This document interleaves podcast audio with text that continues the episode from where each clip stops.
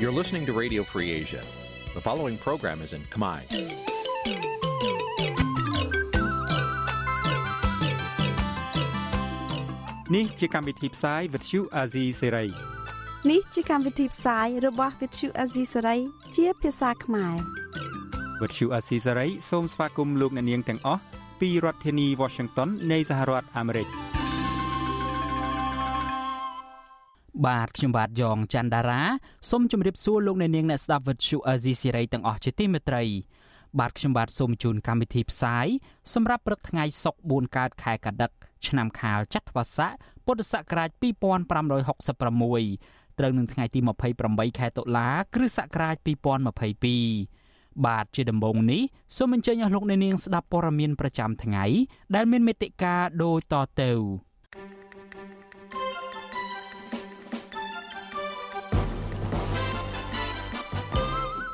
អង្គការសង្គមស៊ីវិលថាសេរីភាពសារព័ត៌មានបន្តរងការរឹតបន្តឹងគណៈបកភ្លើងទៀនថាការឆ្លើយតបរបស់លោកហ៊ុនសែនមកបកនេះគឺជាសញ្ញាល្អមុនការបោះឆ្នោតកោតក្រ Nagawal ដាក់លិខិតសុំពន្យាពេលចូលបំភ្លឺតាមបណ្ដឹងរបស់ក្រុមហ៊ុនប្រវត្តិតស៊ូរបស់អ្នកការពារព្រៃឈើលោកកុងរី រួមនឹងព័ត៌មានសំខាន់សំខាន់មួយចំនួនទៀត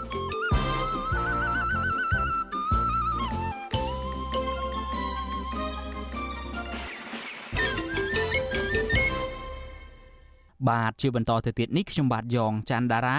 សូមជូនព័ត៌មានទាំងនេះពិស្ដាអង្គការសង្គមស៊ីវិលមួយចំនួន បារម្ភពីសេរីភាពសារព័ត៌មាននៅកម្ពុជា ដែលបន្តរងការរឹតបន្តឹងពីសំណាក់អាជ្ញាធរ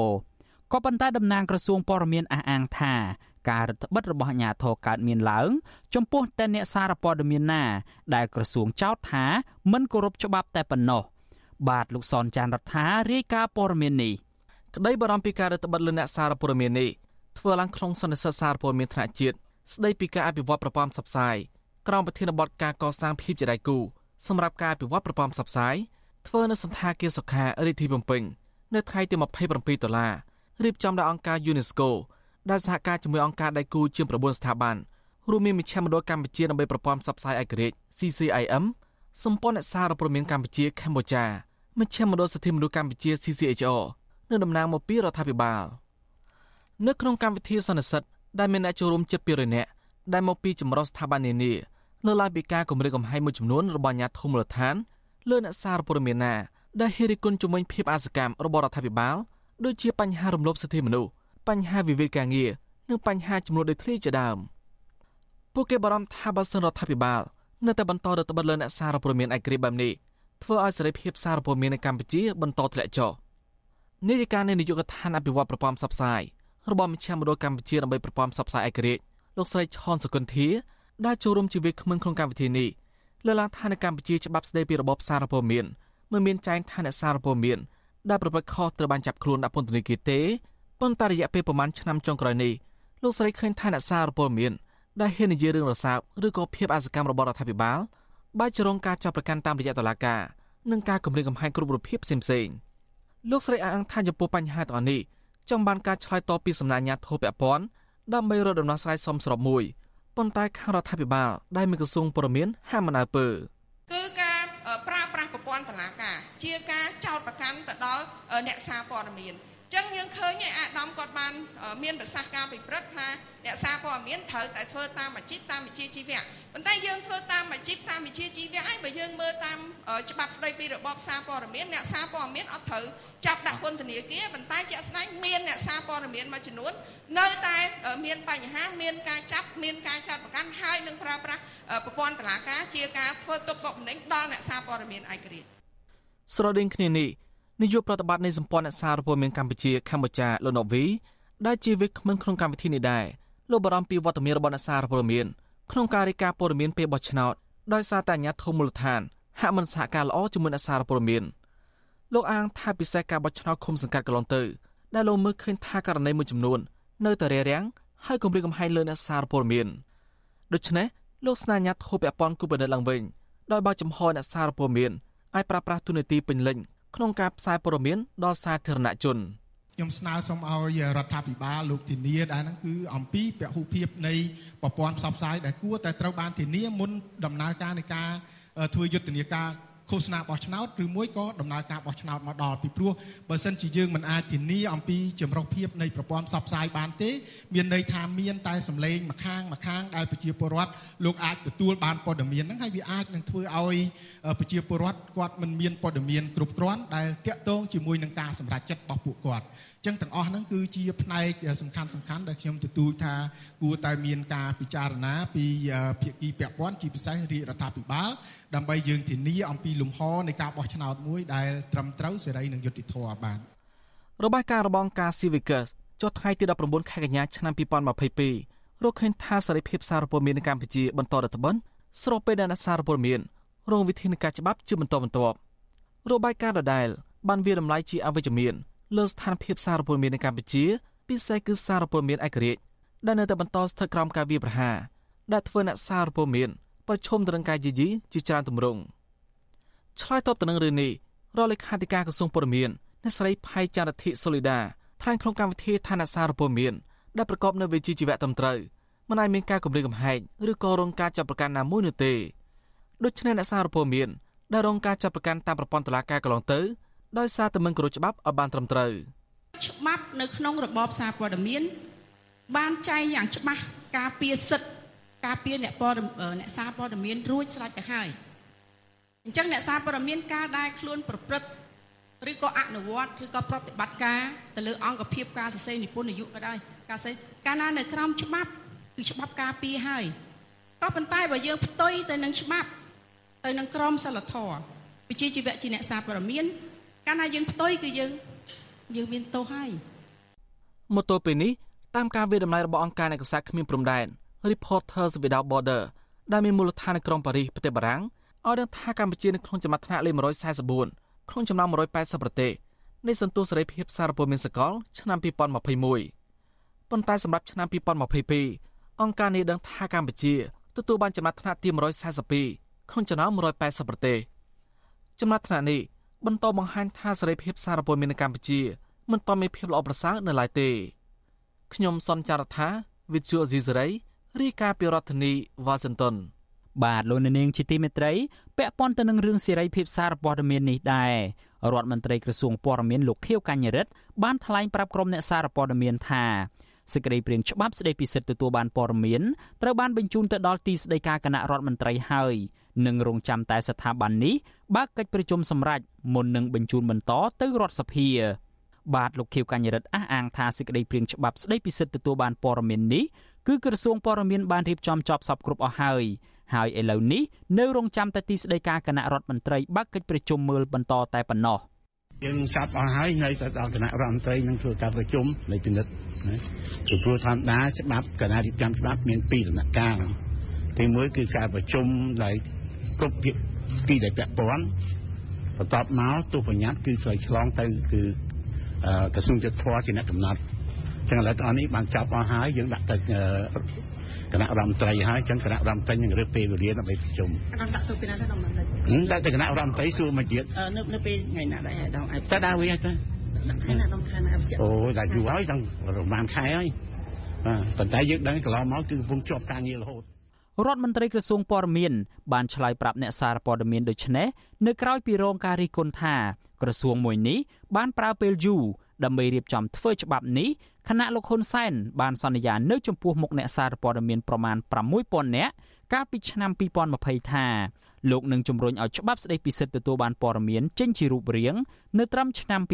2020 ឥឡូវនេះសេចក្តីព្រាងច្បាប់បានបញ្ជូនដល់ដៃលោកនាយរដ្ឋមន្ត្រីហ៊ុនសែនឬទីស្តីការគណៈរដ្ឋមន្ត្រីហើយក៏ប៉ុន្តែនៅមិនទាន់បើកកិច្ចប្រជុំដើម្បីបញ្ជូនបន្តទៅសភានៅឡើយទេ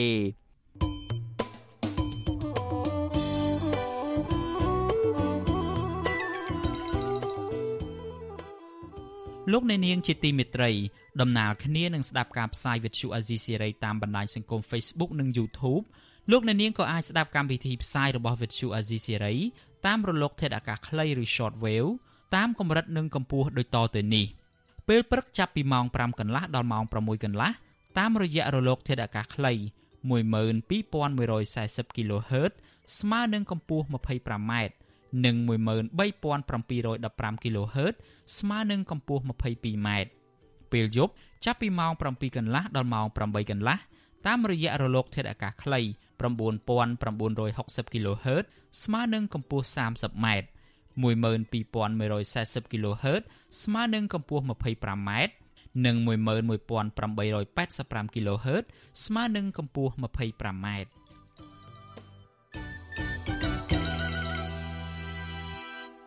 បាទលោកនាងជាទីមេត្រីពាក់ព័ន្ធទៅនឹងរឿងនយោបាយវិញមន្ត្រីជាន់ខ្ពស់គណៈបកភ្លើងទៀនលើកឡើងថា សារឆ្លើយឆ្លងរវាងលោកនាយរដ្ឋមន្ត្រីហ៊ុនសែននិងគណៈបកភ្លើងទៀនគឺជាការបង្ហាញថាវប្បធម៌ជជែករវាងគណៈបកប្រឆាំងនិងបកកណ្ដាលអំណាចចាប់ផ្ដើមកើតមានឡើងវិញហើយការលើកឡើងដូចនេះកើតមានឡើងក្រោយពីគណៈបកភ្លើងទៀនបានប្រកាសថ្កោលទោសជនណាដែលប្រមាថព្រះមហាក្សត្រនិងអះអាងថាខ្លួនគ្មានទំនាក់ទំនងជាមួយលោកសំរងស៊ីនោះទេ បាទលោកមានរិទ្ធរាយការណ៍ព័ត៌មាននេះ មន្ត្រីជាន់ខ្ពស់គណៈបកភ្លើងទៀនរំពឹងថាសារឆ្លើយឆ្លងគ្នារវាងមេដឹកនាំគណៈបកកណ្ដាលអំណាចជាមួយមេដឹកនាំគណៈបកភ្លើងទៀននៅពេលនេះបង្ហាញថាអ្នកនយោបាយខ្មែរអាចនិយាយគ្នាត្រង់ទៅត្រង់មក ដើម្បីឈានទៅរកដំណោះស្រាយចំពោះបញ្ហាជាតិអនុប្រធាននឹងជាអ្នកនាំពាក្យគណៈបកភ្លើងទៀនលោកថាច់សេថាយល់ថាបើពេលខ្មែរចេះនិយាយគ្នា នោះទោះបញ្ហាអ្វីក៏ដោយក៏អាចដោះស្រាយបានដែរ លោកបន្តថាការដែលលោកហ៊ុនសែនព្រមទទួលស្គាល់ការបំភ្លឺរបស់គណៈបកភ្លើងទៀននៅពេលនេះគឺជាសញ្ញាណល្អមួយ ចំពោះស្ថានភាពនយោបាយដែលកម្ពុជាកំពុងត្រៀមរៀបចំការបោះឆ្នោតជាតិឆ្នាំ2023នាពេលខាងមុខនេះខ្ញុំក៏អរគុណផងដែរដែលម្ដាយនាយករដ្ឋមន្ត្រីបានទទួលស្គាល់ទទួលយកនៃការពិតរបស់គណៈបកភ្លឹងទៀនហើយនឹងក៏ជាការបង្ហាញ នៅយើងបង្កើតនៅវប្បធម៌បែបសន្តានាគ្នា បែបប្រជាធិបតេយ្យថ្មីមួយដែលយើងនឹងចាប់ផ្ដើមអ្វីៗគឺយើងចាប់ផ្ដើមគឺនិយាយគ្នាដោយត្រង់ទៅត្រង់មកដើម្បីរកដំណោះស្រាយបញ្ហាផ្សេងៗនេះបាទលោកថាច់សេថាលើកឡើងដូចនេះក្រោយពេលគណៈបកភ្លើងទៀនបញ្ជាក់ជំហររបស់ខ្លួនជាសាធារណៈថាគណៈបកនេះគោរពតាមព្រះរាជទូនីតិនៃអង្គព្រះមហាក្សត្រ ទន្ទឹមគ្នានេះដែរគណៈបកភ្លឹងទៀនថ្កោលទោសបុគ្គលទាំងឡាយណាដែលមានចេតនាប្រមាថឬរំលោភបំពានព្រះមហាក្សត្រនិងរបបរាជានិយម សេចក្តីថ្លែងការណ៍ចុះថ្ងៃទី27ខែតុលាអះអាងទៀតថាគណៈបកនេះគ្មានទំនាក់ទំនងជាមួយលោកសំរងស៊ីនោះទេ ដោយដំណើរការការងារនិងការធ្វើសេចក្តីសម្រេចចិត្តនានា គឺជាការទទួលខុសត្រូវនៅក្នុងអធិបតេយ្យពេញលេញនៃគណៈបកភ្លើងទៀន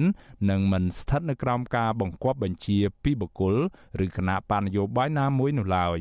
គណៈបកនេះលើកឡើងទៀតថាគណៈបកភ្លើងទៀនគោរពនិងអនុវត្តតាមរដ្ឋធម្មនុញ្ញច្បាប់ស្តីពីគណៈបកនយោបាយនិងច្បាប់នានាព្រមទាំងលក្ខន្តិកៈនៃគណៈបកដែលបានតម្កល់នៅក្រសួងមហាផ្ទៃសេចក្តីថ្លែងការណ៍របស់គណៈបកភ្លើងទៀនធ្វើឡើងពេលនេះគឺជាការឆ្លើយតបទៅនឹងសំណើរបស់លោកនាយរដ្ឋមន្ត្រីហ៊ុនសែនកាលពីថ្ងៃទី26ខែតុលាដែលទាមទារឲ្យគណៈបកនេះគួរចេញមុខបញ្ជាក់ពីករណីលោកសំរងស៊ីប្រមាថព្រះមហាក្សត្រ សាររបស់គណៈបកភ្លើងទៀននេះទំនងធ្វើឲ្យលោកហ៊ុនសែនពេញចិត្តដោយលោកបានស្វាគមន៍លោកហ៊ុនសែនលើកឡើងតាមទំព័រ Facebook របស់លោកនៅថ្ងៃទី27ខែតុលាដោយកោតសរសើរនិងអរគុណចំពោះថ្នាក់ដឹកនាំគណៈបកភ្លើងទៀនដែលបានចេញសេចក្តីថ្លែងការណ៍ថ្កោលទោសចំពោះអ្នកទាំងឡាយណាដែលប្រមាថព្រះមហាក្សត្រតាមការស្នើសុំរបស់លោក ទាក់ទងនឹងជំហររបស់គណៈបកភ្លើងទៀនចំពោះអង្គព្រះមហាក្សត្រនៅពេលនេះដែរ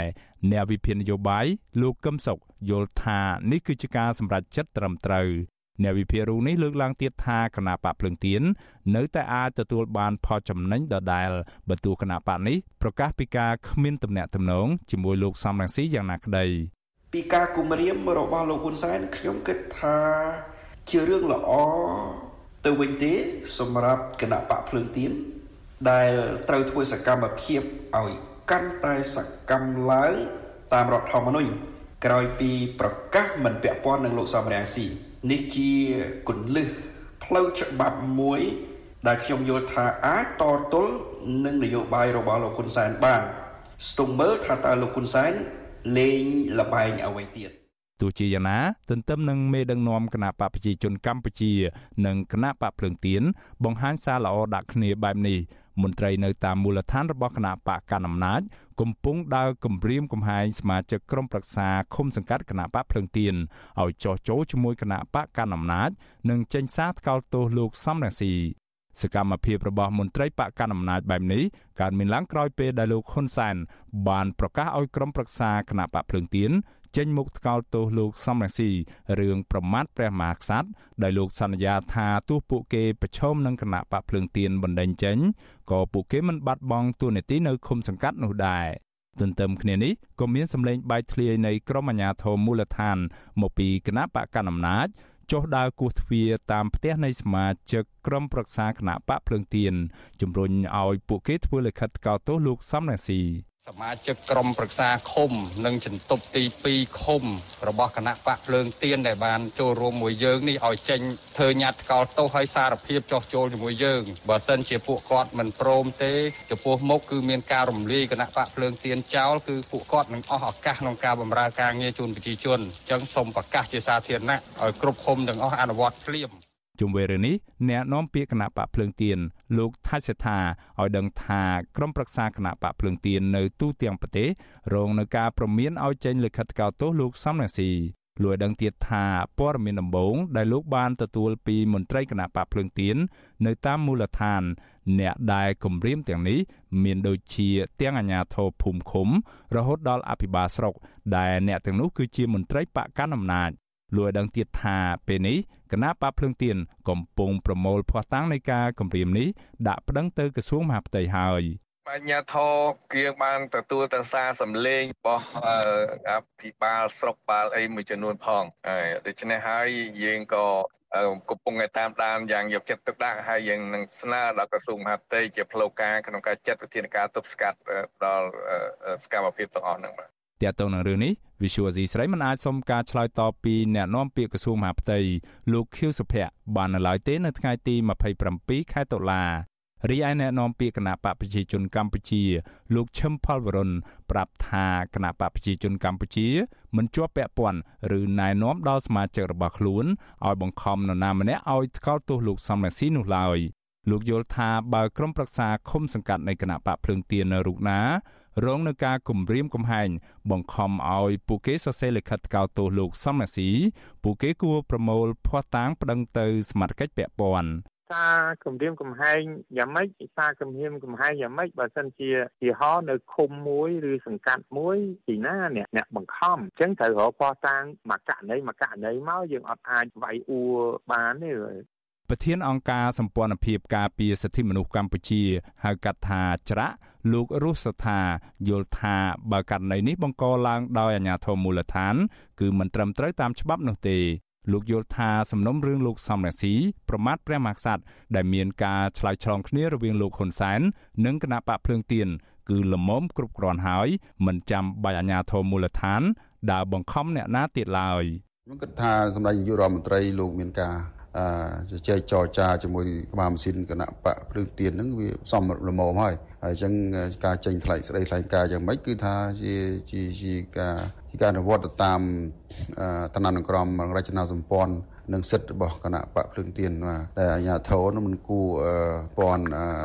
ធ្វើដែងកិច្ចការរបៀបដូចនេះទេបាទ នៅរយៈពេលប្រមាណថ្ងៃនេះរដ្ឋាភិបាលលោកហ៊ុនសែនកំពុងធ្វើយុទ្ធនាការថ្កោលទោសលោកសំរងស៊ីថាបានប្រមាថព្រះមហាក្សត្របើទោះបីជាលោកសំរងស៊ីត្រូវបានតុលាការនៃរបបលោកហ៊ុនសែនកាត់ទោសដាក់ពន្ធនាគារអស់មួយជីវិតហើយក៏ដោយប៉ុន្តែពួកគេនៅតែប្រកាសបន្តផ្ដន់ទោសនិងថ្កោលទោសលោកសំរងស៊ីបន្ថែមទៀត លោកហ៊ុនសានថែមទាំងបានប្រមានរំលាយគណៈបកភ្លើងទៀនបើរកឃើញថាគណៈបកនេះធ្វើសកម្មភាពដើរតាមបន្ទាត់នយោបាយរបស់លោកសំរងស៊ីដែលលោកចោទថាជាការបដិរំលំរបបរាជានិយម និងបំផ្លាញការបោះឆ្នោតជាតិឆ្នាំ2023នាពេលខាងមុខនេះខ្ញុំបាទមេរិត Visual C ស្រីរាយការណ៍ពីរដ្ឋធានី Washington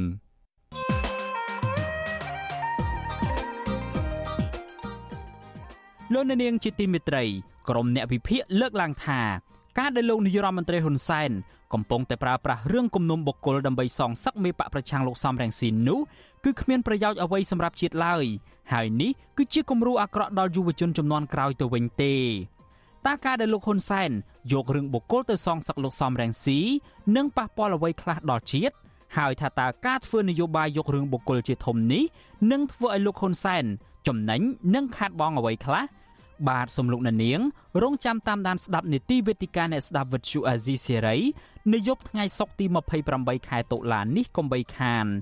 ប្រសិនបើលោកអ្នកនាងមានសំណួរចង់សាកសួរវាគ្មិនរបស់យើងឬក៏ចង់បញ្ចេញមតិយោបល់សូមលោកអ្នកនាងដាក់លេខទូរស័ព្ទនៅក្នុងខ្ទង់ comment Facebook និង YouTube របស់ Vuthu Azizi Serai ក្រុមការងាររបស់យើងនឹងហៅទៅលោកអ្នកនាងវិញ បាទសូមអរគុណ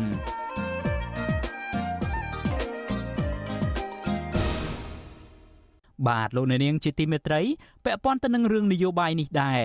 ចៅសង្កាត់រងទី2គណៈបកភ្លើងទៀននៅខេត្តបាត់ដំបង អ្នកស្រីស៊ិនច័ន្ទពៅរ៉ូសិតបានដាក់ពាក្យប្តឹងចោទប្រកាន់សមាជិកក្រុមប្រឹក្សាសង្កាត់អូចា មកពីគណៈបកកណ្ដាលអំណាចអ្នកស្រីយ៉ានរ៉ាស៊ីថាបានប្រើប្រាស់អំពើហិង្សាលើអ្នកស្រីមន្ត្រីសង្គមស៊ីវិលយល់ឃើញថាអាញាធរគប្បីធ្វើការសម្របសម្រួលដើម្បីឲ្យក្រុមប្រឹក្សាសង្កាត់អូចាបន្តធ្វើការងារបម្រើប្រយោជន៍ប្រជាពលរដ្ឋបានជាមួយគ្នា បាទសូមលោកអ្នកនាងស្ដាប់សេចក្តីរាយការណ៍នេះរបស់លោកលេងម៉ាលីដូចតទៅចៅសង្កាត់រងទី2សង្កាត់អូចាមកពីគណៈបកភ្លឹងទៀនទាមទារសមត្ថកិច្ចឲ្យអនុវត្តច្បាប់ទៅលើជនដៃដល់ដែលប្រព្រឹត្តហិង្សាមកលើអ្នកស្រីនិងបដិសេធការសម្របសម្រួលជាមួយភៀកគីអ្នកស្រីយ៉ានរ៉ាស៊ីនៅសាលាសង្កាត់អូចាចៅសង្កាត់រងទី2អូចាអ្នកស្រីស៊ិនច័ន្ទពើរុសិតថ្លែងក្នុងការផ្សាយផ្ទាល់លើ Facebook របស់អ្នកស្រីថា ចៅសង្កាត់អូចាបានប្រជុំសម្របសម្រួលប៉ុន្តែអ្នកស្រីបានបដិសេធចំពោះការសម្របសម្រួលនោះអ្នកស្រីក៏លើកឡើងពីករណីស្មៀនក្នុងម៉ោងធ្វើការបែជាព្យាយាមអូសទាញលោកជាទូចឲ្យចុះចូលជាមួយគណៈបកប្រជាជនកម្ពុជា ដែលខុសនឹងច្បាប់សហលក្ខន្តិកៈមន្ត្រីរាជការអ្នកស្រីស៊ិនច័ន្ទពៅរ៉ូសិតអំពាវនាវដល់ក្រសួងមហាផ្ទៃឲ្យធ្វើការណែនាំនិងបណ្ដុះបណ្ដាលអំពីក្រមសីលធម៌របស់មន្ត្រីរាជការ ដោយមិនត្រូវឲ្យលេងសើចក្នុងម៉ោងធ្វើការ។ ចំពោះផ្លូវច្បាប់គឺខ្ញុំបានដាក់ទៅនគរបាលយុតិធធឲ្យឲ្យគេដោះស្រាយផ្លូវច្បាប់ហើយយើងរងចាំមើលទាំងអស់គ្នាទៀតតើក្នុងករណីប្រព្រឹត្តអំពើហិង្សាដែលមានស្ថានទម្ងន់ទោសបាត់ល្មើសជាក់ស្ដែងបែបហ្នឹងតើជនដៃដល់ដែលប្រព្រឹត្តអំពើហិង្សាមកលើរូបនាងខ្ញុំជាចៅសង្កាត់រងទី2ហើយជនដៃដល់គឺជាសមាជិកក្រុមប្រឹក្សាសង្កាត់ជាប់ឆ្នោតមកពីគណៈបកប្រជាជនកម្ពុជាហ្នឹងដែលបានប្រព្រឹត្តបាត់ល្មើសហិង្សានៅចំពោះខ្ញុំនៅក្នុងសង្កាត់អូចានហ្នឹងតើនឹងទទួលទោសទណ្ឌយ៉ាងដូចម្ដេចតទៅមុខទៀត ជុំវិញរឿងនេះចៅសង្កាត់អូចាលោកអែមសុផលប្រាប់វិទ្យុអស៊ីសេរីនៅថ្ងៃទី27ដុល្លារថាលោកបានសម្របសម្រួលករណីមានចំនួននៅក្នុងសង្កាត់ព្រោះជាកន្លែងធ្វើការងារបម្រើពលរដ្ឋលោកបន្តថាអ្នកស្រីយ៉ានរ៉ាស៊ីខាងដោយសារអ្នកស្រីស៊ិនច័ន្ទពើរ៉ូសិតព្យាយាមថតអ្នកស្រីរ៉ាស៊ីហើយពួកគាត់មិនបានស្ដាប់លោកហាមឃាត់ទើបបង្កជាបញ្ហាកើតឡើងលោកបញ្ជាក់ថាលោកបានស្នើសុំអ្នកស្រីរ៉ូសិតឲ្យដកពាក្យបណ្ដឹងប៉ុន្តែអ្នកស្រីរ៉ូសិត បដិសេធការសម្របសម្រួលនិងប្រកាន់យកការដាក់បណ្ដឹងទៅនគរបាលលោកអែមសុផលបញ្ជាក់ថា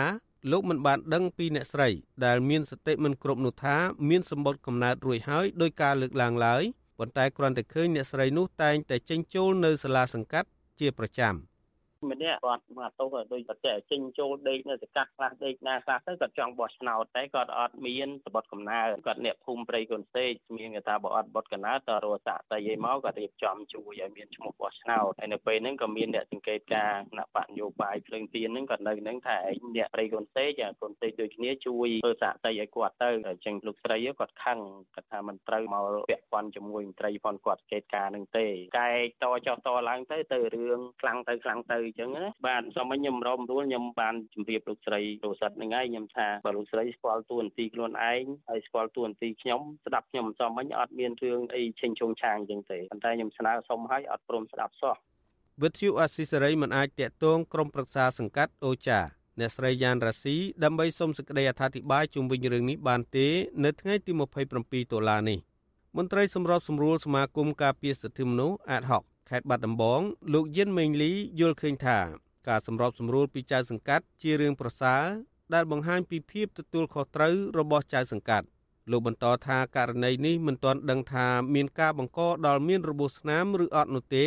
ប៉ុន្តែបើមានរបួសស្នាមនឹងប៉ះពាល់ដល់សិទ្ធិបុគ្គល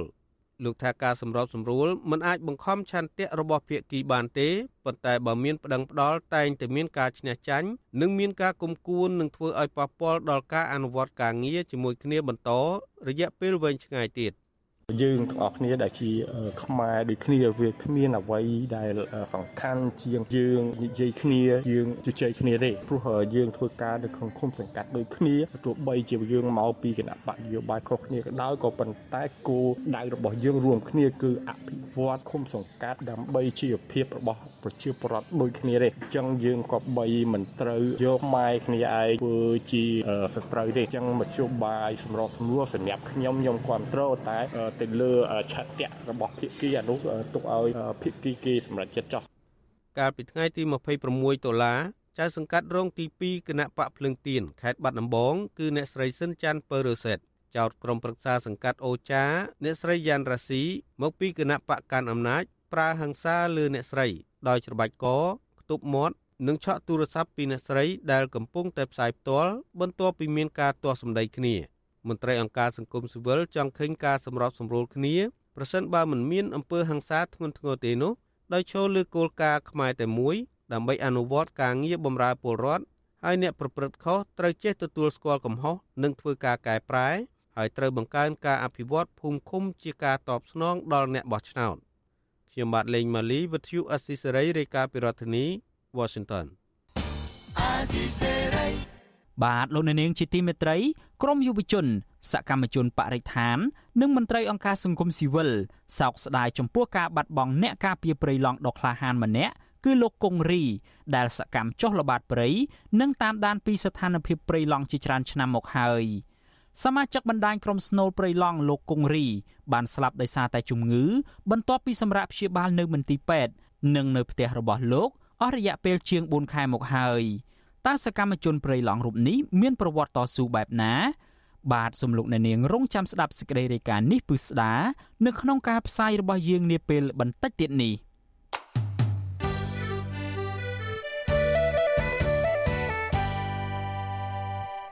បាទលោកអ្នកនាងជាទីមេត្រីពាក់ព័ន្ធទៅនឹងរឿងវិវាទការងារនៅក្រុមហ៊ុន Casino Naga World ឯណោះវិញកោតក្រ Naga World ម្នាក់ បានដាក់លិខិតទៅតុលាការក្រុងភ្នំពេញស្នើសុំពន្យាពេលចូលបំភ្លឺតាមបណ្ដឹងរបស់ក្រុមហ៊ុន កាលពីព្រឹកថ្ងៃទី27ខែតុលាលើសពីនេះក្រុមកោតក្រនិងមន្ត្រីសិទ្ធិការងារក៏ស្នើសុំឲ្យតុលាការនិងរដ្ឋាភិបាលទម្លាក់ចោលការចោទប្រកាន់ហើយជំរុញឲ្យក្រុមហ៊ុនគោរពច្បាប់និងដោះស្រាយបញ្ចប់វិវាទការងារក្រៅប្រព័ន្ធតុលាការវិញ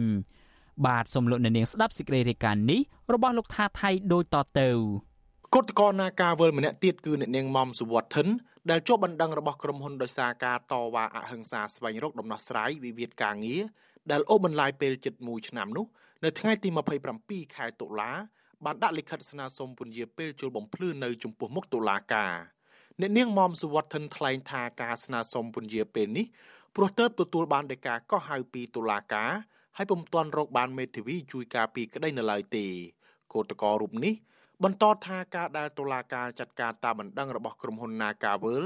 ដែលប្តឹងពួកគាត់ពីបទរំលោភលំនៅឋានធ្វើឲ្យខូចខាតដោយចេតនាមានស្ថានធ្ងន់ទោសនិងចាប់ឃុំឃាំងនិងបង្ខាំងដោយខុសច្បាប់ គឺជារឿងអយុត្តិធម៌ដែលតុលាការគូទៅលុបចោលការចាត់ប្រកាន់នេះ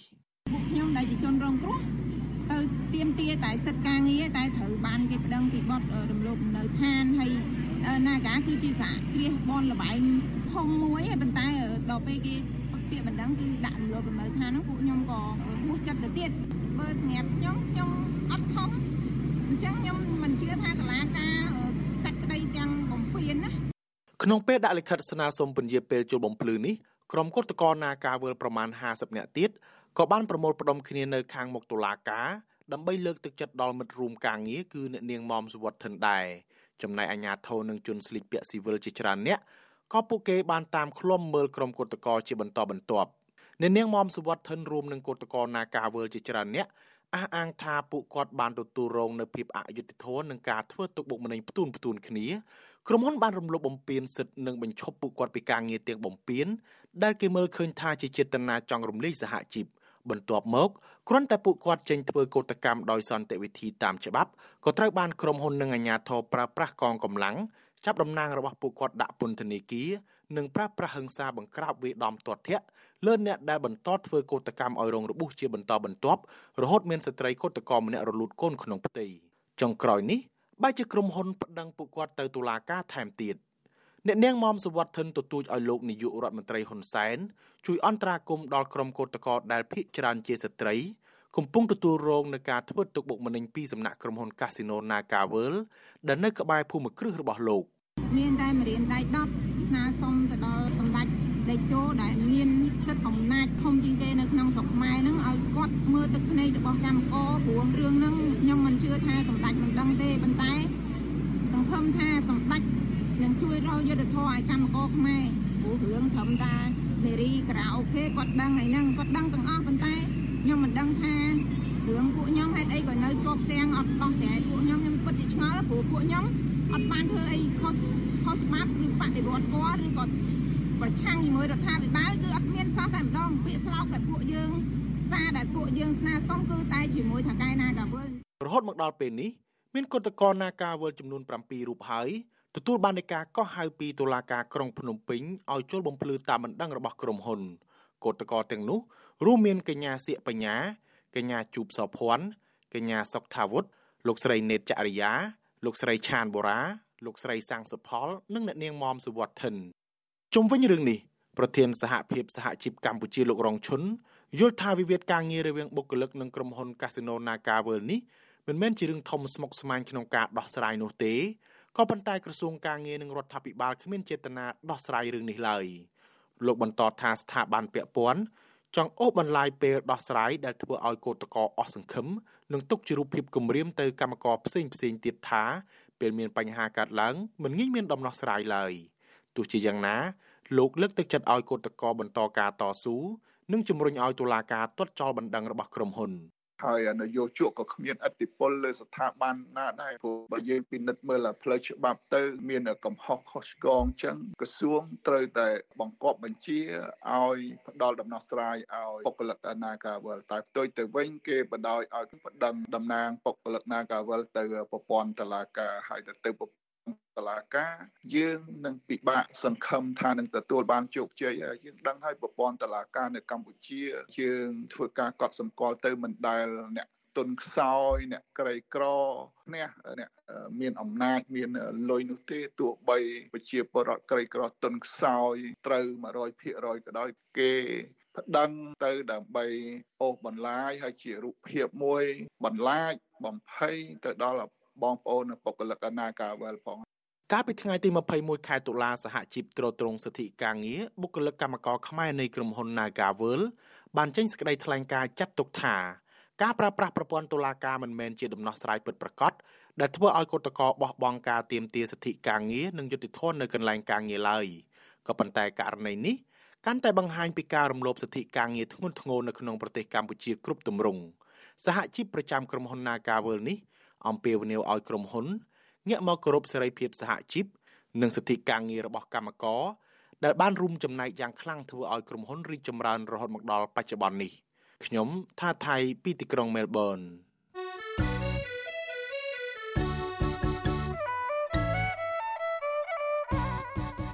លោកអ្នកនាងកញ្ញាជាទីមេត្រីក្រៅពីការតាមដានកម្មវិធីផ្សាយរបស់វិទ្យុអាស៊ីសេរីតាមបណ្ដាញសង្គម Facebook YouTube Telegram លោកអ្នកនាងក៏អាចតាមដានកម្មវិធីផ្សាយរបស់យើងតាមរយៈបណ្ដាញសង្គម Instagram របស់អាស៊ីសេរីបានដែរតាមរយៈតំណ link www.instagram.com/rfa ខ្មែរអាស៊ីសេរីបន្តខិតខំផ្សព្វផ្សាយព័ត៌មានពិតទៅកាន់បងប្អូនតាមរយៈបណ្ដាញសង្គមផ្សេងៗនិងសម្បូរបែបដើម្បីឲ្យលោកអ្នកនាងងាយស្រួលតាមដានកម្មវិធីផ្សាយរបស់យើងគ្រប់ពេលវេលា និងគ្រប់ទីកន្លែងតាមរយៈទូរស័ព្ទរបស់លោកអ្នកបាទសូមអរគុណ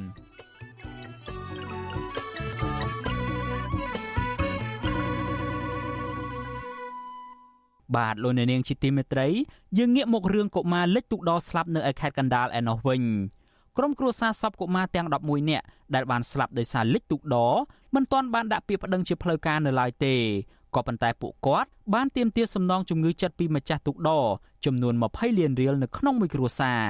អ្នកសិក្សាផ្នែកច្បាប់យល់ថាបើទោះបីជាគ្រួសារជនរងគ្រោះមិនបានដាក់ពាក្យប្តឹងក៏ដោយក៏ព្រះរាជអាជ្ញាមានទូនីតិបន្តបណ្ដឹងអាជ្ញា ដើម្បីចាប់អ្នកដែលមានកំហុសយកមកដាក់ទោសតាមផ្លូវច្បាប់បាទលោកទីនហ្សាការីយ៉ារាយការណ៍ព័ត៌មាននេះមកទល់ពេលនេះក្រុមគ្រួសារកុមាររងគ្រោះទាំង11នាក់នៅមិនទាន់ទទួលបានសំណងពីម្ចាស់ទូកនិងពីរដ្ឋាភិបាលឡើយទេឪពុកកុមារីសវັດសវណ្ណលក្ខណាដែលបានស្លាប់ដោយសារលិចទុកដគឺលោកបុតសវັດប្រាប់វិទ្យុអសិរ័យថាក្រុមគ្រួសារសពកុមារទាំង11នាក់បានជជែកជាមួយម្ចាស់ទុកដក្រោមការសម្របសម្រួលរបស់មេឃុំកំពង់ភ្នំ លោកនៅទូចកាលពីថ្ងៃទី26ដុល្លារលោកបន្តថាក្រុមគ្រួសារសពបានទាមទារឲ្យម្ចាស់ទុកដសងលុយជំងឺចិត្ត20លានរៀលប៉ុន្តែភាគីម្ចាស់ទុកដថាមានលទ្ធភាពសងបានត្រឹមតែ6លានរៀលតែប៉ុណ្ណោះសម្រាប់មួយគ្រួសារលោកបុតសវັດបន្ថែមថាប្រសិនបើភាគីម្ចាស់ទុកដសងលុយជំងឺចិត្តតាមការស្នើសុំរបស់គ្រួសារសពនោះភាគីគ្រួសារសពនឹងមិនដាក់ពាក្យប្តឹងទៅតុលាការឡើយ។ មានអីទេគ្រាន់តែចង់បានតែម្ចាស់ទូកដហ្នឹងឲ្យចេញមុខមកសងដោះស្រាយគ្នាក៏ហើយទៅកុំឲ្យវាមានរឿងវែងឆ្ងាយព្រោះគ្រូសាទាំង11ហ្នឹងក៏មិនចង់មានរឿងវែងឆ្ងាយដែររហូតមកទល់ពេលនេះគេមិនទាន់ឃើញមានអាជ្ញាធររដ្ឋចេញមកទទួលខុសត្រូវចំពោះការលិចទូកបណ្ដាលឲ្យសិស្សស្លាប់ចំនួន11នាក់និងរបួស4នាក់កាលពីថ្ងៃទី13ដុល្លារនៅឡើយទេ ក្រៅតែពីចាប់ខ្លួនម្ចាស់អាជីវកម្មទូកដ2នាក់ឈ្មោះឈឹងស្រីនាងអាយុ63ឆ្នាំនិងឈ្មោះឈឹងវណ្ណាអាយុ52ឆ្នាំនិងក្មេងប្រុសអ្នកបើកទូកម្នាក់អាយុ15ឆ្នាំនោះក៏ប៉ុន្តែចុងក្រោយតុលាការបានដោះលែងអ្នកទាំង3ឲ្យនៅក្រៅឃុំបណ្ដោះអាសន្នវិញអ្នកច្បាប់យល់ថាគ្រូសាជនរងគ្រោះគួរតែដាក់ពាក្យប្តឹងទាមទារសំណងពីភាគីរដ្ឋាភិបាលឲ្យបានច្រើនព្រោះករណីនេះជាប់ពាក់ព័ន្ធនឹងការធ្វើប្រហែសរបស់រដ្ឋាភិបាល ដែលមិនបានតាមដានត្រួតពិនិត្យសវត្ថភាពនៅតាមទូកដអ្នកសិក្សាផ្នែកច្បាប់លោកវ៉ាន់ចាន់ឡូតយល់ឃើញថាដើម្បីបញ្ជាកុំឲ្យមានគ្រោះថ្នាក់បែបនេះអាជ្ញាធរមូលដ្ឋានត្រូវចុះពិនិត្យគោលការណ៍សវត្ថភាពទូកចម្លងដូចជាការដាក់បេដងអាវពោងនិងគុណភាពទូកចម្លងឲ្យបានទៀងទាត់លោកថាអ្នកដែលទទួលខុសត្រូវក្នុងករណីលិចទូកដរហូតបណ្ដាលឲ្យកុមារ11នាក់ស្លាប់នេះអាជ្ញាធររដ្ឋត្រូវមានកាតព្វកិច្ច3យ៉ាង ទី1ត្រូវទទួលទោសក្រមព្រហ្មទណ្ឌ មានន័យថាអ្នកដែលមានកំហុសត្រូវតែជាប់ពន្ធនាគារទី2ត្រូវសងបណ្ដឹងរដ្ឋបវេណីដែលត្រូវសងថ្លៃជំងឺចិត្តដល់ជនរងគ្រោះនិងចុងក្រោយគេទាំងអាជ្ញាធរនិងថ្នាក់ដឹកនាំរដ្ឋាភិបាលត្រូវមានសំណងក្រមសីលធម៌មានន័យថារដ្ឋាភិបាលត្រូវទទួលខុសត្រូវក្នុងការផ្ដល់សំណងជំងឺផ្លូវចិត្តដល់គ្រួសារសពកុមាររងគ្រោះព្រោះការប៉ះទង្គិចផ្លូវចិត្តដែលបាត់បង់ជីវិតកូនមិនអាចមានអ្វីមកប៉ះពើបានឡើយជាមួយគ្នានេះ លោកប៊ុនចិនលូតបន្ថែមថាទោះបីជាគ្រូសាសពបានទទួលយកលុយសំណងជំងឺចិត្តពីម្ចាស់ទុកដហើយមិនដាក់ពាក្យប្តឹងក្តីប៉ុន្តែបណ្ដឹងអាញារបស់ព្រះអាញាមិនអាចបញ្ចប់បានឡើយ។តកតូនទៅនឹងរឿងព្រមតនទោះបីជាជនរងគ្រោះគាត់មិនប្តឹងប៉ុន្តែតាមរយៈប្រេកអាញា បណ្ដឹងអាញានោះគឺអាចធ្វើបានมันអាចគិតផុតអំពីការទទួលខុសត្រូវផ្នែកព្រំតនបើសិនជារកឃើញការកើតឡើងហ្នឹងវាជាកំហុសបច្ចេកទេសអ្នកផ្ដល់សេវាម្ចាស់ទូកហ្នឹងក្នុងន័យនេះខ្ញុំនិយាយនេះមិនទៅចង់ឲ្យមាននរណាម្នាក់ឈឺចាប់បន្តទៀតទេប៉ុន្តែទីមួយបង្ហាញថាកម្ពុជាជាប្រទេសនីតិរដ្ឋហើយប្រព័ន្ធនីតិរដ្ឋរបស់យើងវារឹងមាំវាចាំបាច់ណាស់ត្រូវតែស្វែងរកខុសត្រូវដើម្បីផ្ដល់យុទ្ធធម៌ជូនចំពោះអ្នករងគ្រោះទី2វាបង្ហាញថាអ្នកណាដែលប្រព្រឹត្តខុសគឺត្រូវតែទទួលទោស វិទ្យុអសិរ័យមិនអាចតាក់ទងអ្នកនាំពាក្យរដ្ឋាភិបាលលោកផៃសិផានដើម្បីសុំបកស្រាយជំវិញនឹងរឿងនេះបានទេនៅថ្ងៃទី27ដុល្លារកាលពីយប់ថ្ងៃទី13ដុល្លារទូកខ្នាតតូចសម្រាប់ចម្លងប្រជាពលរដ្ឋចេញពីភូមិកំពង់ពោធិ៍និងភូមិអម្បិលទឹក ទៅភូមិកោះចម្រើន បានលិចនិងបណ្ដាលឲ្យសិស្សចំនួន11នាក់បានស្លាប់បន្ទាប់ពីមានករណីលិចទូកចម្លងគួររន្ធត់នេះព្រះមហាក្សត្ររដ្ឋាភិបាលអង្គការជាតិអន្តរជាតិព្រមទាំងប្រជាពលរដ្ឋទូទៅ បានផ្ញើសាររំលែកទុកនៅតាមបណ្ដាញសង្គមជាបន្តបន្ទាប់ចំពោះការបាត់បង់ជីវិតកុមារទាំង11នាក់នេះ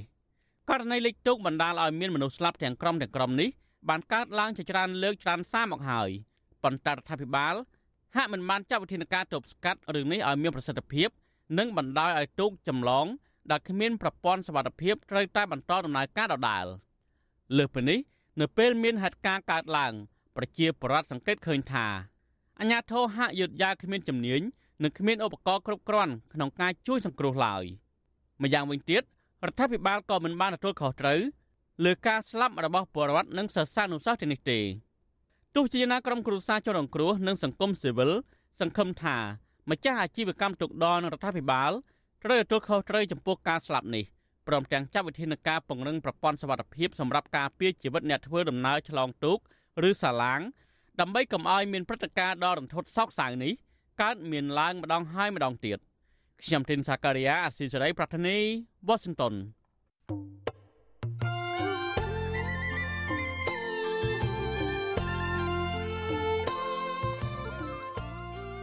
លោកអ្នកនាងជាទីមេត្រី នៅក្នុងឱកាសនេះដែរខ្ញុំបាទសូមថ្លែងអំណរគុណដល់លោកអ្នកនាងកញ្ញាទាំងអស់ ដែលតែងតែមានភក្ដីភាពចំពោះការផ្សាយរបស់យើង ហើយចាត់ទុកការស្ដាប់វិទ្យុអាស៊ីសេរីជាផ្នែកមួយនៃសកម្មភាពប្រចាំថ្ងៃរបស់លោកអ្នកនាងគឺការគ្រប់គ្រងរបស់លោកអ្នកនាងនេះហើយដែលធ្វើឲ្យយើងខ្ញុំមានទឹកចិត្តកាន់តែខ្លាំងថែមទៀតនៅក្នុងការស្វែងរកនិងផ្តល់ព័ត៌មានជូនលោកអ្នកនាងមានអ្នកស្ដាប់អ្នកទស្សនាកាន់តែច្រើនកាន់តែធ្វើឲ្យយើងខ្ញុំមានភាពស្វាហាប់មោះមុតជាបន្តទៅទៀតយើងខ្ញុំសូមអរគុណទុកជាមុនហើយសូមអញ្ជើញលោកអ្នកនាងកញ្ញា ចូលរួមជំរុញឲ្យសកម្មភាពផ្តល់ព័ត៌មានរបស់យើងនេះឲ្យកាន់តែជោគជ័យបន្ថែមទៀតលោកអ្នកនាងអាចជួយយើងខ្ញុំបានដោយគ្រាន់តែចុចចែករំលែកឬ Share ការផ្សាយរបស់យើង នៅលើបណ្ដាញសង្គម Facebook និង YouTube ទៅកាន់មិត្តភ័ក្តិដើម្បីឲ្យការផ្សាយរបស់យើងបានទៅដល់មនុស្សកាន់តែច្រើន បាទសូមអរគុណ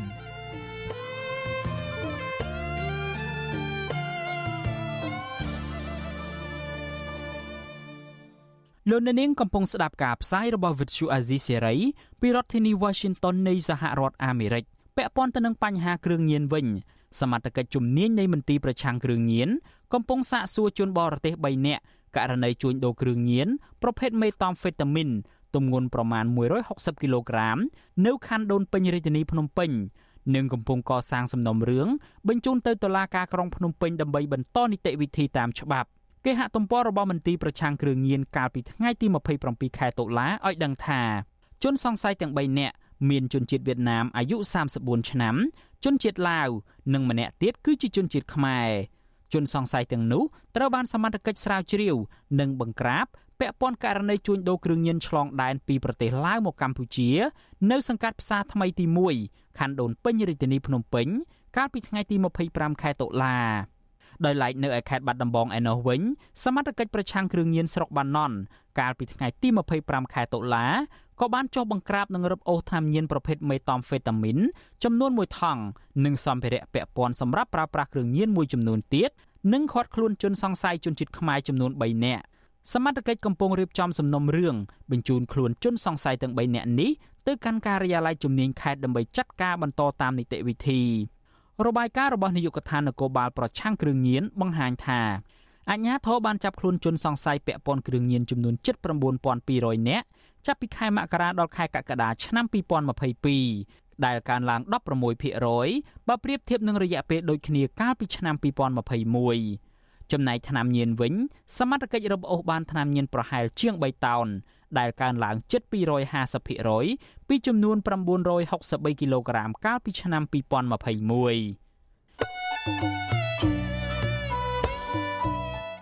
លោកអ្នកនាងជាទីមេត្រីវិទ្យុអាស៊ីសេរីសូមជូនដំណឹងថាយើងគ្មានអ្នកយកព័ត៌មានប្រចាំនៅប្រទេសកម្ពុជាទេ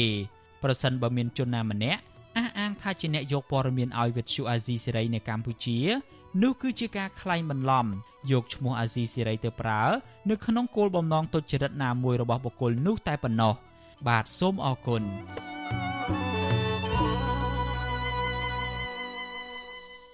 បាទលោកនាងជាទីមេត្រី ក្រសួងបរិស្ថានអះអាងថាហ្វូស៊ីលបុរាណដែលរកឃើញដំបូងនៅស្រុកខ្មែរកាលពីឆ្នាំ2021គឺជាឆ្អឹងដៃណូស័រពិតមែន គេហទំព័ររបស់ក្រសួងបរិស្ថានកាលពីថ្ងៃទី27ខែតុលាម្សិលមិញឲ្យដឹងថាទម្រង់ឆ្អឹងហ្វូស៊ីលបុរាណនេះកប់ជាប់នៅក្នុងថ្ម ហើយវាមានប្រវែងបណ្ដោយ70សង់ទីម៉ែត្រនិងទទឹង20សង់ទីម៉ែត្រត្រូវបានគេរកឃើញនៅតំបន់ការពារធម្មជាតិនៅកោះប៉ោក្នុងដែនជម្រកសត្វព្រៃតាតៃនៅក្នុងស្រុកមណ្ឌលសីមាខេត្តកោះកុងគឺពិតជា fossil ឆ្អឹង dinosaur ដែលអាចមានអាយុកាលចន្លោះពី65លានទៅ190លានឆ្នាំមុន ប្រពន្ធដដែលបន្តថាក្រមការងារជំនាញបុរាណវិទ្យានៃក្រសួងបរិស្ថាន និងអ្នកជំនាញបុរាណវិទ្យាបរទេស3រូបពីប្រទេសបារាំងនិងកម្ពុជាក្រុងចុះទៅពិនិត្យនិងសិក្សាបន្ថែមទៀតនៅខែវិច្ឆិកាខាងមុខដើម្បីប្រមូលព័ត៌មានបន្ថែមទៀតអ្នកនាំពាក្យក្រសួងបរិស្ថានលោកណេតភក្ត្រាអះអាងថាឆ្អឹង Dinosaur នេះបានរកឃើញតាំងពីចុងឆ្នាំ2021កន្លងទៅក៏ប៉ុន្តែក្រសួងមិនទាន់ផ្សព្វផ្សាយជាសាធារណៈនោះទេដោយសាររងចាំការត្រួតពិនិត្យ និងបញ្ជាក់ឲ្យបានច្បាស់លាស់ជាមុនសិនលោកបន្តថាការរកឃើញឆ្អឹង fossil dinosaur នេះវានឹងផ្ដល់នូវព័ត៌មានយ៉ាងច្រើន ជាពិសេសតាក់ទងទៅនឹងប្រវត្តិនៃការកកើតទឹកដី និងប្រភពតំបន់ដែលពាក់ព័ន្ធទៅនឹងប្រវត្តិសត្វ dinosaur ដែលបានផុតពូជរាប់លានឆ្នាំមកហើយនេះ។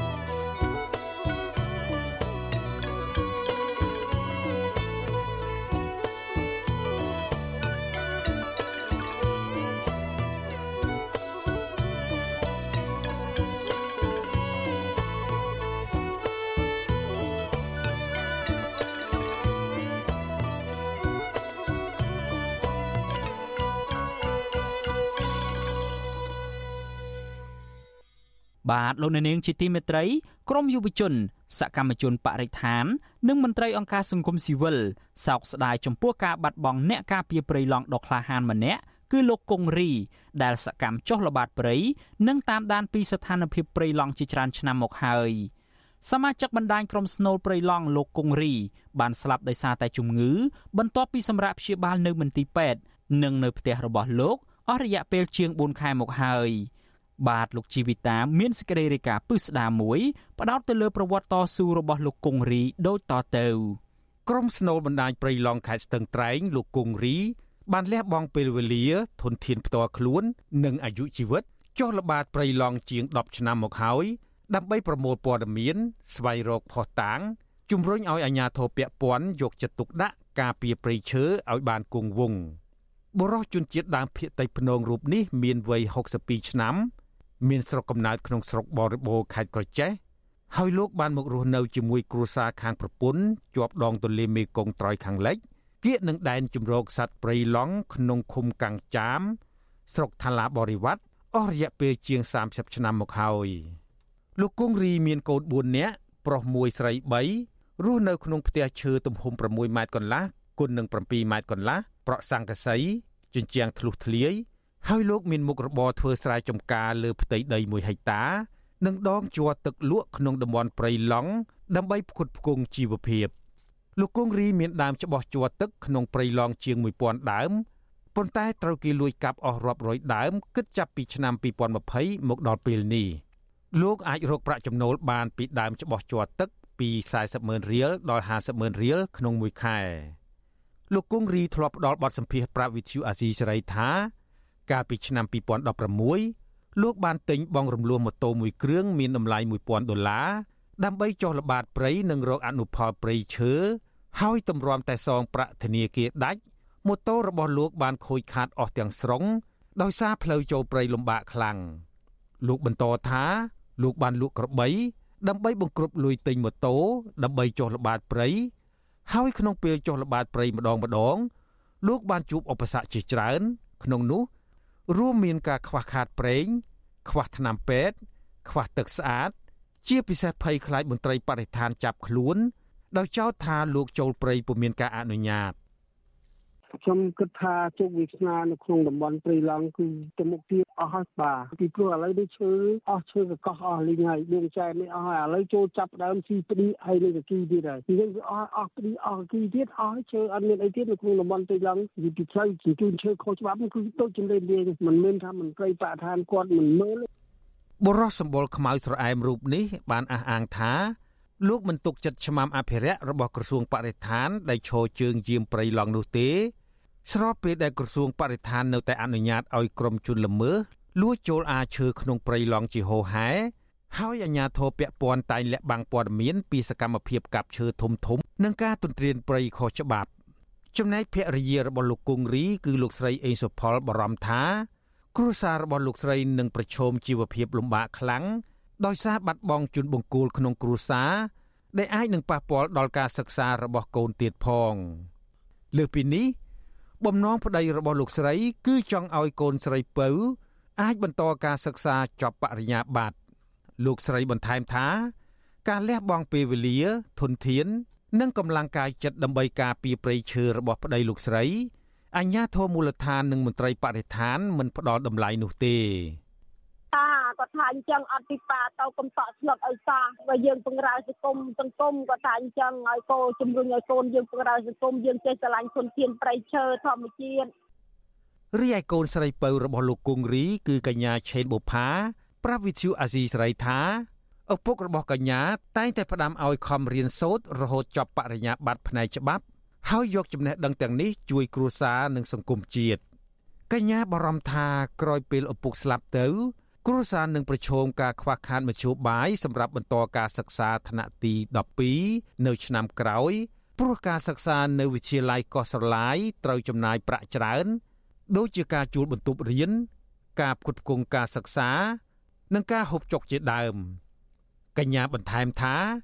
វិទ្យាល័យកោះស្រឡាយឆ្ងាយពីផ្ទះជាង20គីឡូម៉ែត្រដោយត្រូវជិះទូកឆ្លងទន្លេមេគង្គទៀតផងទ រៀនពេលខ្ញុំរៀនចប់ហ្នឹងគាត់ឲ្យខ្ញុំរៀនតពេលរៀនតហ្នឹងគាត់ចង់ឲ្យខ្ញុំចូលផ្នែកច្បាប់គាត់ចង់ឲ្យខ្ញុំជួយប្រៃថែរក្សាប្រៃឈើជំនួសគាត់ព្រោះអីពេលប៉ាខ្ញុំស្លាប់ទៅខ្ញុំអត់មានលុយរៀនតអត់មានលុយរៀនចា៎ជុំវិញរឿងនេះសកម្មជនការពារបរិស្ថានលោកហេងស្រស់សោកស្ដាយចំពោះការបាត់បង់បុរសក្លាហាន ការពារព្រៃឈើដើម្បីប្រយោជន៍បុព្វហេតុព្រៃឡង់លោកថាសកម្មជនព្រៃឡង់រូបនេះ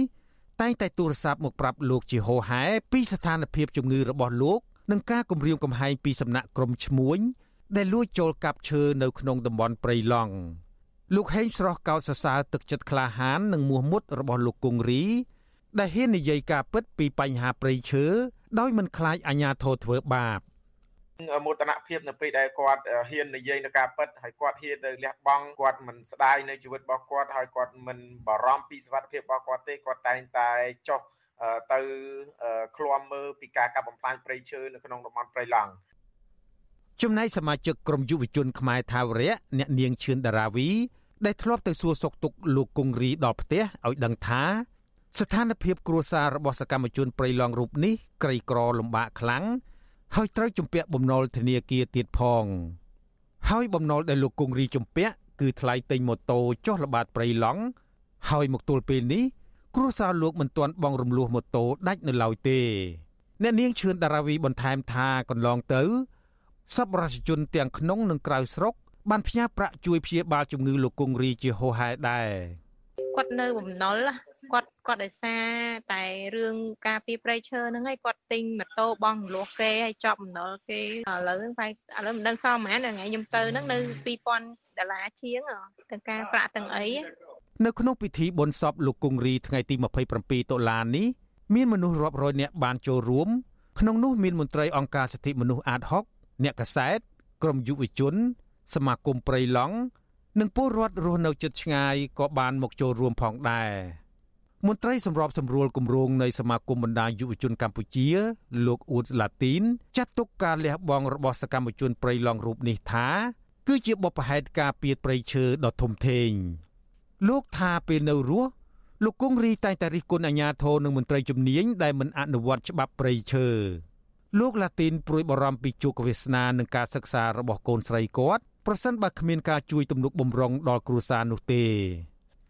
ខ្ញុំក៏សូមสนំពោឬក៏អំពាវនាវឲ្យបងប្អូនប្រជាពលរដ្ឋជាពិសេសក្រុមអ្នកដែលធ្វើកិច្ចការងារសង្គមក្រុមអ្នកស្រឡាញ់សង្គមស្រឡាញ់បរិស្ថាននេះគួរតែចូលរួមចំណែកជ្រោមជ្រែងគ្រួសាររបស់គាត់ជាពិសេសជ្រោមជ្រែងកូនរបស់គាត់ឲ្យគាត់បានបន្តការសិក្សាឲ្យបានចាប់ចងចប់ដើមអញ្ចឹងណាបាទ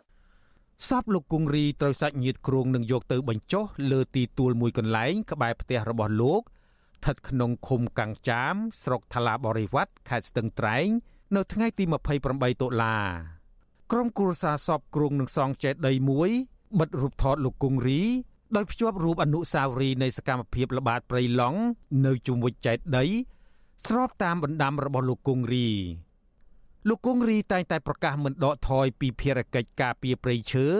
ដែលធានាដោយច្បាប់នោះទេបើទោះបីជាលោករងការរឹតបន្តឹង និងការគំរាមកំហែងពីសំណាក់មន្ត្រីបរិស្ថានក្តីលោកតែងតែបានអំពាវនាវដល់យុវជននិងមហាជនឲ្យចូលរួមការពារព្រៃឈើទាំងអស់គ្នា ដើម្បីប្រយោជន៍ជាតិនិងអនាគតកូនខ្មែរចំនួនក្រោយខ្ញុំជីវិតាអាស៊ីសេរី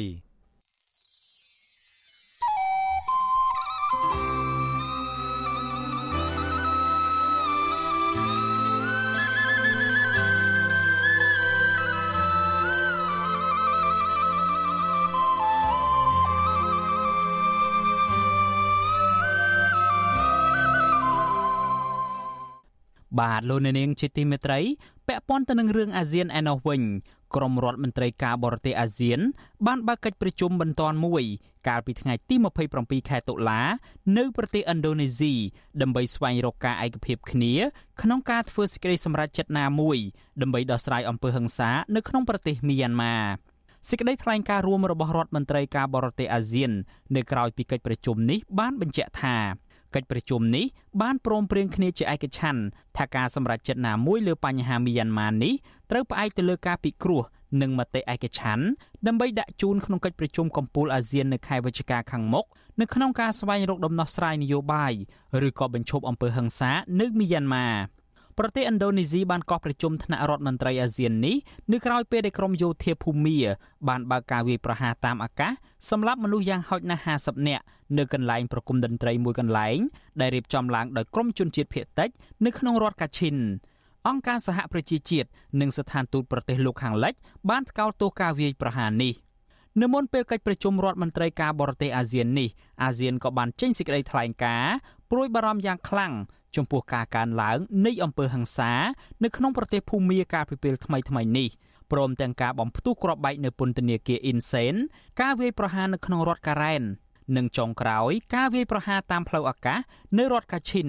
ដែលធ្វើឲ្យជនស៊ីវិលរាប់សិបនាក់ស្លាប់និងរបួសប្រធានរដ្ឋមន្ត្រីការបរទេសអាស៊ាន លោកប្រាក់សុខុនបានថ្លែងប្រាប់រដ្ឋមន្ត្រីការបរទេសចំនួន8ផ្សេងទៀតដែលបានចូលរួមប្រជុំនេះថា ស្ថានភាពនៅក្នុងប្រទេសមីយ៉ាន់ម៉ានៅតែមានសភាពធ្ងន់ធ្ងរផុយស្រួយ និងមិនអាចទាយទុកជាមុនបាន លោកប្រាក់សុខុនអះអាងថា បញ្ហានេះទាមទារឲ្យមានភាពអត់ធ្មត់ដើម្បីនាំមកនូវដំណោះស្រាយដោយសន្តិវិធីទោះបីជាយ៉ាងនេះក្តីប្រទេសឥណ្ឌូនេស៊ីនិងសិង្ហបុរី បានជំរុញយ៉ាងខ្លាំងនៅក្នុងការបញ្ចុះបញ្ចូលសមាជិកអាស៊ានផ្សេងទៀតដើម្បីដាក់ទណ្ឌកម្មឬបិទផ្លូវភូមិលើគ្រប់វិស័យទាំងអស់ មិនត្រឹមតែវិស័យនយោបាយតែមួយនោះទេដើម្បីដាក់សម្ពាធឲ្យរបបសឹកងាកមកគោរពកិច្ចព្រមព្រៀងទាំង5ចំណុចដែលមេដឹកនាំរបបនេះគឺលោកមីនអងលៀងធ្លាប់បានព្រមព្រៀងរួចទៅហើយនោះកិច្ចប្រជុំរដ្ឋមន្ត្រីការបរទេសអាស៊ាននៅប្រទេសឥណ្ឌូនេស៊ីនេះមិនមានវត្តមានរបបសឹកភូមាចូលរួមនោះទេដោយឡែកកិច្ចប្រជុំកំពូលអាស៊ាននៅខែវិច្ឆិកាខាងមុខនេះវិញអាស៊ានក៏មិនអនុញ្ញាតឲ្យរបបសឹកខុសច្បាប់មួយនេះចូលរួមដែរ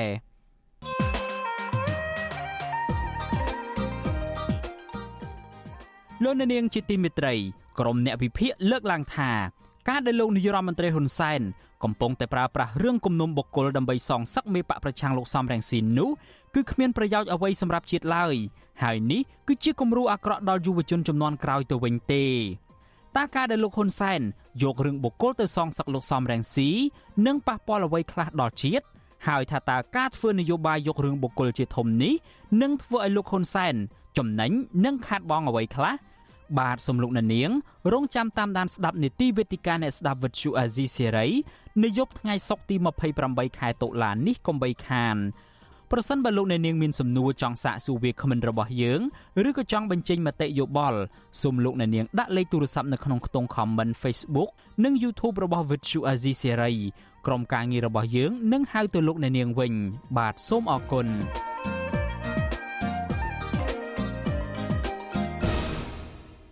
លោកអ្នកនាងជាទីមេត្រីការផ្សាយរយៈពេល1ម៉ោងរបស់ Vuthu Azizi Serai នៅព្រឹកនេះចប់ត្រឹមតែប៉ុណ្ណេះយើងខ្ញុំសូមជូនពរដល់លោកអ្នកនាងព្រមទាំងក្រុមគ្រួសារទាំងអស់ឲ្យជួបប្រកបតែនឹងសេចក្តីសុខចម្រើនរុងរឿងកុំបីឃ្លៀងឃ្លាតឡើយខ្ញុំបាទយ៉ងច័ន្ទដារាព្រមទាំងក្រុមការងារទាំងអស់នៃ Vuthu Azizi Serai សូមអរគុណនិងសូមជម្រាបលា